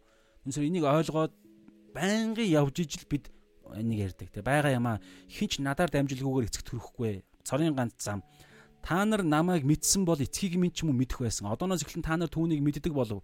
Мөн түүнийг харсан гэвэ. Хэрвээ Есүсийг харсан бол түүнийг харсан гэсэн үг. За тэгээ бүгдээрээ дүгнэе. Аа тэгээд сүүлийн ишл 20 Есүс сүмд зааж байхдаа энэ үгсийг Эрдэнсийн сан хөмрөг дотор айлджээ. Хинч түүнийг барьсангүй. Учир нь түүнийг түүний цаг хараахан болоогүй байлаа. Өмнөх жимгөө цагаар хэлсэн те. Эрдэнсийн сан буюу нөгөө нэг Иерусалимийн сүм бол хэд хэдэн хэсгээс бүрдэж байгаа хамгийн гаднах хэсэг нь харь үндэстнүүдийн очих боломжтой хэсэг цаашаа орж болдоггүй. А тэнд худалдаа 8 нэг болоод байгаа хэсэг чинь дараагаар нь эмэгтэйчүүдийн байрладаг хэсэг байгаа. Тэнд бол эмэгтэйчүүд ирчүүд бүгд очиж болно. Тэгээ эмэгтэйчүүд тэрнээс цаашаа явахгүй. Ирчүүд дараа нь дахиад нэг хэсэг рүү орж байгаа. Тэгээд дахилж нарын хэсэг гэж байгаа. Тэгэхээр эмэгтэйчүүдийн буюу эмэгтэйчүүдийн хэсэг буюу ирчүүд эмэгтэйчүүдийн очдог хамтдаа байдаг хамгийн цаад очих боломжтой хэсэг нь тэр а тэр голд байгаа хэсэг байхгүй. Тэрний хажуугын талд нь хэд хэдэн 13 хүчүү хэд хэдэн тийм нэг юм юу байдаг гинэ. Эрдэнсийн сангийн хэсэг буюу өргөл авдаг хэсэг. Тэгэхээр тэр хэсэгт энэ сургаал болж байгаа гэсэн үг шүү. Нөгөө бэлгэсэн эмхтэй сүүлчийн хоёр зоосыг өгдөг хэсэг байдаг шүү дээ. Тэр хэсэг чинь Эрдэнсийн сангийн хэсэг байхгүй юу? Өргөлийн одоо өргөл өргөдөг хэсэг гэсэн үг. Яагаад тэгэхээр эрэгтэй эмхтэй бүх хүмүүсийн очдог бүх бүх хүмүүс цугладаг газар учраас тэр газарт нь өргөлөө тавьдаг гэсэн үг. Нэмэлт мэдээлэл За ингээд өнөөдрийн хэсгийг нь бүгд хамтдаа дүгнэе. Юу гэж дүгнэх вэ гэхээр маш чухал дүгнэлт нь юу гэхээр Есүс эцэг Есүс хүү бурхан, эцэг бурхан хоёр нэг. Хоёулаа гэрчилдэг. Авралын үннийг сайн мэдээ гэрчилдэг. Есүсийн загалмаа гэрчилдэг. Яагаад би ерөнхийдөө ингэж ярих гэдэг байхгүй Есүс өөрийгөө гэрчилдэг гэдэг санаа нь Есүсийн дотор хоёр ерөнхийдөө төлөв байдал байгаа гэж ерөнхийдөө жоохон арай буруутчихгүй болов хэлэх гээд байгаа байхгүй. Нэгдүгээрт Есүс хүний хүүгээрээ энэ дэлхий дээр ирж авралын одоо энэ бүх юма хийж байгаа шүү дээ. Тэгэхдээ түүний тэр чи өөрөө бас бурхны хүү шүү дээ. Бурхны хүү. Тэгээд тэр бурхны хүү мөн чанар нь болохоор бүтээлийн эхнээс байсан шүү дээ. Тэр утгаараа хүний хүү гэдэг байдлаар махбодоор нь Есүсийг харах болгонд хүмүүс бүдрээд байгаа байхгүй юу? Оо эн чин Давидын биш аа Йосефийн хүү үздэй Мариагийн охин хүү үздэй, охин дүүнэртэй, эрэгтэй дүүнэртэй үздэй, мужааны хүү, мужаан биздэ назад өссөн биздэ гэж зөвхөн хүний хүүгээр нь харах үед Есүс хүний хүү гэдэг байдлаараа байхдаа Бурхны хүү дүр төрхөөрөө альва зүйлийг хийгээд альва үннүүдийг тунхлах үед бүдрээд байгаа байхгүй юу? Тэр утгаараа махбодийн дагуу шүүхээр бүдрээд байгаа гэсэн. Яагаад тэгэхээр Есүсийг таниагүй зөвхөн хүний хүү биш Бурхны хүү гэдгээр нь бас тань тань чаддаг хүмүүсүүд нь Есүст бүдрэхгүй харин итгэх гээд байгаа байхгүй юу? Тэр утгаараа эцэг Есүс эцэг хоёр нэг гэдгийг энэ ойлгох нь маш чухал байгаа байхгүй. Тэгээ хамтдаа гэрчилдэг Есүсийн бурхан дүр төрх нь хүний хүүг дүр төрхөө гэрчилдэг ч гэдэг юм уу те. Нөгөө хуучин гэрээний иш үзүүлэлгүүд тэгээ бас хамтдаа шүүдэг. Тэгээд энэ ярьж байгаа. Тэгээ үүнийг мэдэх нь маш чухал. Үүнийг мэдэх юм бол бид нар өнөөдөр зөвхөн энийг биш үүгээр энэний цаана илэрдэг бусад бүх энэ уялдаа холбоотой үннүүдийг мэдэх тусам заавал мэдэх ёстой байгаа байхгүй. Хэрвээ бид мэдэхгүй бол өнөөдөр энэ дэлхий дээр амьдрахдаа альва хүмүүстэй харилцах болгондоо альва энэ харанхуйн одоо юу гэдгийг шуурганд унах болгондоо бид бүдрэх махуудын дагуу өөрийгөө бусдыг энэ орчлын ертөнцийг амьдралыг шүүх шүүх аюулд ордог байхгүй. Тэр утгаараа бид энэ Есүстэй холбогдлолтой үннүүдийг маш сайн судалж мэдэхгүй бол бид бодиттой амьдрал дээр амьдрахдаа альва зүйлийг энэ дэлхийн тогтолцоогоор шүүнэл гэсэн. Махуудын дагуу хүний стандартын дагуу хүний энэ дэлхийн нийгмийн тодорхойлсон тодорхойлтын дагуу бид альва зүйлсүүдийг дүгнэнэ л гэсэн. Яг л эдийн цэцэрлэгт өөрсдийнхөө аюу ухаанаараа сайн мууг шүүх шүүх сорилтыг тэд нэр хүсээд тэр сонголтыг хийсэн шиг бид сонголтыг хийх байхгүй. Гэтэл бид амийн модыг сонгох хэрэгтэй. Сайн муу мэдүүлэгч мод биш. Амийн мод бол ерөөдөө Есүс гэж ярьж байгаа шүү дээ бас. Харьцуулж ярьж байгаа. За тэгэхээр бүгд хамтдаа аа залбирая. Юуг залбирх вэ гэхээр хэрв та би өнөөдөр энэ дэлхий дээр яг одоо амьдрчил байгаа бол яг одоо би өвчээгүй амьд л байгаа бол амьсгал ороод амьсгал гарч л байгаа бол энэ үйлдэл хийгдэж л байгаа бол бид аа нэг талаараа аюулд байна гэж хэлж болно. Нөгөө талаараа бид байнгын сонголтын дунд явна гэсэн үг. Байнгын эрсдэл, байнгын харанхуйн довтлохооны хаанаас ирэх нь үл мэдэгдэх төрөө байсан шүү дээ. Гитэн яв гарслан биднийг залгиж залгихаар, унахаар, бурхнаас холдуулахаар гол гол зорилго нь тэр шүү дээ. Тэгэхээр тийм эрсдэл байгаа учраас тэгээд тэр эрсдэл бид ямар тохиолдолд унах вэ гэхээр махуудын дагуу хүнийхээ хуучин ойлголтоороо хүний тогтолцоогоороо бид бодох юм бол хүний бодлороо бид өөрийгөө альва хүмүүстэй харилцах харилцаагаа альва альва зүйлийг үнэлэх үнэлэмжээ амьдралынхаа зорилгоо мөрөөдлөө тавихтаа хүний ойлголтоор явах юм бол бид аюул ороод байгаа байхгүй юу? Есүсийг танихгүй болж эхэлж байгаа гэсэн. Эсвэл танихгүй байна гэсэн үг. Есүсийн биднэрт өгсөн цор гаан тэр явах 14 6 дараа байгаа цор гаан замч нь хамгийн төгс зам байхгүй юу? Хамгийн төгс. Зүгээр нэг юм шашинлаг тийм ойлголт. За явдаг хүмүүс нь л явна би өөрөөр явна гэдэг ингэж сонгогдох ингэж үн цэнгүүдэх тийм зам биш байхгүй юу? Хамгийн төгс зам. Энийг бид ойлгохгүй байна гэдэг чинь бид махуудын дагуу амьдарж байна л гэсэн үг. Яг аврал яриаггүй байгаа. Аврагдсан байгаа. Гэхдээ одоо хүртэл махуудын дагуу сэтгсээр л байна гэсэн үг. Балчир байна гэсэн үг би тэглээгээд өөрийгөө дээр тавиад байгаа юм биш. Би хичээж л явна. Магадгүй та яг үнэхээр зүв явж байгаа хүн байгаа байх. Гэхдээ өдөр болгон байн энэ төлөв байдал дотроо байн явахгүй бол а өнөөдөр би бол тэ бас гайгүй явж байгаа юм чи маргааш уламл сайжна гэсэн байхгүй байхгүй. Өдөр болгон гэрэл дотор явж иж өдөр болгон гимшил өдөр болгон гэрэл дотор явж ижил итгэлээ сэтгэл дахина. Тэгэхгүй өчигдөр нэг төвшөнд байсан чинь маргааш автоматар дараагийн төвшөнд гарна гэдэг юм байхгүй байхгүй өчигдөр нэг төвшөнд байгаад өнөөдөр би үргэлжлүүлэн гимшил даруй байдал гэрэл дотроо дуулууртай байдал дотроо Есүсийг таньж мэдэх мэдлэг дотроо үргэлжлүүлэн явж хүн хөхтлээ ингэж алхам алхмаар ингэж явж байгаа цагч нь биднийг итгэллээс итгэлд гаргана гэхээс биш зүгээр цагийн аясаар болдог зүйл биш. Тэр утгаараа үргэлж сонор сэрэмжтэй эрүүл ухаантай бай гэж яриад байгаа нь тэр. Тэм учраас залбирая. Эзэн минь энэ цагийн талаар талхад өнөөдрийн цагаар дамжуулан эзэн минь та Есүс гэдэг энэ нэр цорын ганц үнэн цорын ганц бидэнд мэднийг мөнх амьтай болгодог тэр үнэн байдаг. Бас цорын ганц бидний амьдралын зорилго энэ нэрэн дотор агуулгаддаг. Бид энэ амьдралын энэ нэрний нэрэн дотор агуулгаддаг тэр зорилго болох хаанчлалын зорилгын дагуу бид амьдрна гэж бүгд шийдсэн. Тэгсэн учраас бид авралыг үнгүүгээр авсан. Бурхны охид хөвгөт болсон. Тийм учраас эзэн минь бид өнөөдөр амьдрахдаа өдөр болгон энэ тавьсан зорилгынхаа дагуу амьдрах болно. Бид хаанчлалын зорилгын дагуу амьдрахаар аль эзэнэ шийтсэн бидний бие биднийх биш харин ариун сүнсний орших сүм. Ром 8:28 дээр Бурхныг хайрладаг түүний зорилгын дагуу дуудагдсан гэж хэлж байгаа. Бид Бурхныг хайрладаг. Бурхан намайг хайрлсан учраас бид Бурхныг хайрладаг гэж байгаа. Есүс намайг яаж хайрласныг бид мэддэггүй мэдсэн үү? Мэдсэн бол бид Бурхныг хайрлж чадна. Тэгээ Бурхныг хайрладаг бол бид Бурхны Бурхны өөрийнх нь зориг бол хаанчлалын зориг минийх болсон. Миний зорилго биш. Миний зорилго бол энэ харанхуйн тогтолцооны зорилго байсан. Бузар муугийн махуудын хүсэлт ачаалын зорилго байсан. Тийм учраас эзэн минь бид асар олон зүйл дээр шин төлөвд гарсан учраас яг энэ цагийн мөчид эргээд эзэн минь бид байх ёстой байр суурин дээр оюун санаагаараа гарч байна.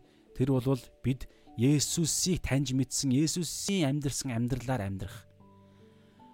Тэр бол Бурхан Аав таны хүсэл үлээ эзэн минь. Тэгээд махуудын дагуу буюу энэ дэлхийн ертөнцийн дагуу бид альва зүйлийг шүүхгүйгээр зөвхөн сүнслэг үнний дагуу шүүх болно эзэн минь.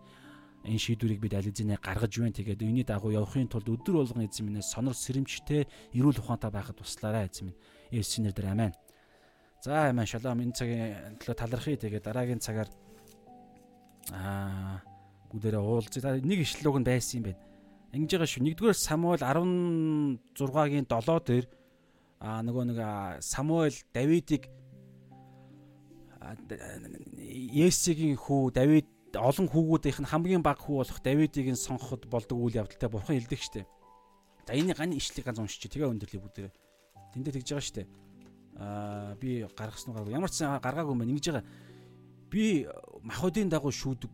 Би сул дорой хүмүүс шиг би махуудын дагуу гаднах байдлаар нь шүүдэггүй. Харин би зүрхийг нь харж шүүдэг гэж бурхан хэлээд тэгээ Давид Давидыг тосол гэж хэлдэг. Давидыг тосол. Тэгэхээр бид нар яг ингэж ингэх дуудлагатай шүү ахын дүүс нар минь. Тэм учраас тэрийг бүгдээрээ саная те. Тэгээд а Иохан 13:17 дээр Есүс энэ дэлхий дээр шүүхийн тулд биш, яллахын тулд биш, харин аврахаар ирсэн. Бид нар бас яг адилхан. Бид шүүн. Гэхдээ яллахын тулд биш, аврах зорилготойгоор шүүн. Игтээ гаднах байдлаар нь биш. Зүрхийг нь харж шүүн. Ийм хүмүүс болцгоё. Үүний тулд Есүсийг таньж мэдж мэдж чадах хэр таньж мэднэ тэр хэрээрээ бид нар аа махуудын дагуу амьдрах амьдралаас холднол гэсэн үг. За шалом дараагийн цагаар дахин уулзлаа түр баяртай.